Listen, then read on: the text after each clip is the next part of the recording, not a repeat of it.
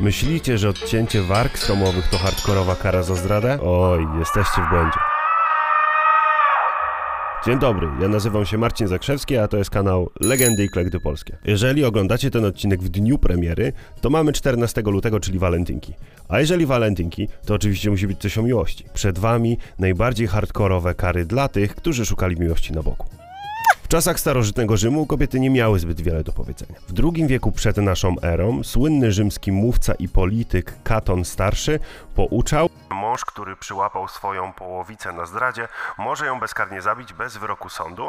I to była główna kara, która spotykała niewierne żony. Inną formą było okrycie ją niesławą oraz wstydem. Kobietę przyłapaną na zdradzie wystawiano na widok publiczny i dawano tak w zasadzie na pożarcie tłumowi. Musiała być mu ona też posłuszna. Zdarzało się też, że mężatkę uznaną za rozpustnicę wsadzano na osła i obwożono po mieście. Było to szczególnie wielką obrazą, gdyż osioł był symbolem hańby.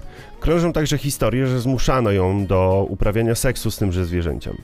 No ale dzisiaj niestety już nie ma nikogo, kogo można byłoby się spytać, czy aby na pewno to była prawda. Co ciekawe, faceci też byli karani. Jednakże było to tylko i wyłącznie za brak reakcji na poczynania swojej żony. Wtedy mogli zostać posądzeni o stręczycielstwo. Gdy ojciec zaś przyłapał niewierną córkę na zdradzie w swoim domu albo w domu jej męża, to mógł ją zabić oraz jej kochanka. Średniowiecze jakie było, każdy wie. Lekko nie było. Szczególnie przerąbane miały oczywiście kobiety. Umieralność wśród wiarołomnych kobiet była szczególnie wysoka. Jedną ze standardowych operacji było wycinanie niewiernej żonie łechtaczki i przybijanie nad drzwiami jej chaty, żeby wszyscy wiedzieli, kto tutaj mieszka. Wiadomo, jak działa NFZ dzisiaj.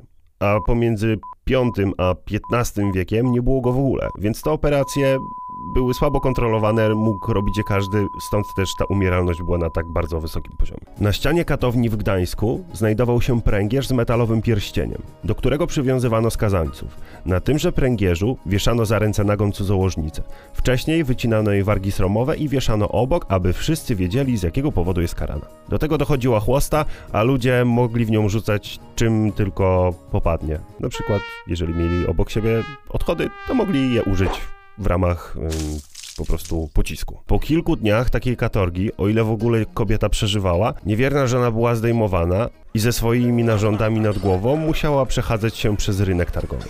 Oczywiście w dzień handlowy, żeby pokazać jak bardzo się kaja. Zostańmy jeszcze w średniowieczu i spójrzmy w gacie facetom. Traktowano ich oczywiście łagodniej, szczególnie w późniejszych czasach epoki, ale to też nie znaczy, że w ogóle ich nie spotykała żadna kara. Na słowiańskich ziemiach przełapanego na zdradzie faceta przybijano zaworek mosznowy do drzewa lub pala i dawano mu nóż. Miał do wyboru albo popełnić samobójstwo, albo obciąć sobie jądę. Zazwyczaj popełniano samobójstwo, gdyż eunuchowie byli mocno pogardzani. Poza tym ciężko sobie tak naprawdę wyobrazić moment, kiedy ktoś mu udziela pomocy i wydaje mi się, że większość tych przypadków kończyła się i tak śmiercią. Gdybyśmy jednak zrobili krok wstecz i cofnęli się do starożytnej Sparty, to tam na przykład dosyć liberalnie podchodzono do, do kwestii cudzołożnictwa, przynajmniej wśród facetów, ponieważ tam średnia wieku była około 25 lat dla nich, no i nie żałowano im po prostu niczego. Częstą konsekwencją zdrady dla kobiet było wygnanie z domu oraz ogólnie z miejsca zamieszkania. Dołączenie do ludzi żyjących poza prawem. W przypadku kobiet prostu była to prostytucja. Reprezentacja tego zawodu była w czasach średniowieczych naprawdę pokaźna. Spore ich rzesze można było spotkać bynajmniej nie w portach, a przy cmentarzach. Oswojeni bowiem z myślą o nieuchronnym spotkaniu ze śmiercią ludzie sporą część swojego czasu spędzali przy nekropoliach, albo w ich okolicach, co związane było zarówno z dużą umieralnością, a stąd i znaczną liczbą pogrzebów, jak i to, że cmentarze były zazwyczaj otwierane w pobliżu kościołów organizujących różne liczne odpusty. Najsłynniejszą nekropolią był cmentarz niewiniątek w Paryżu, na którym grabarze wrzucali ludzi masowo do mogił, które miały głębokość pomiędzy 5 a 15 metrów. Póki jednak nie była pełna, grabarze przerzucali nad nią deski, na których rozkładały się chętne prostytutki. Ich liczni klienci obcowali z nimi, mając widok na szczątki ciał.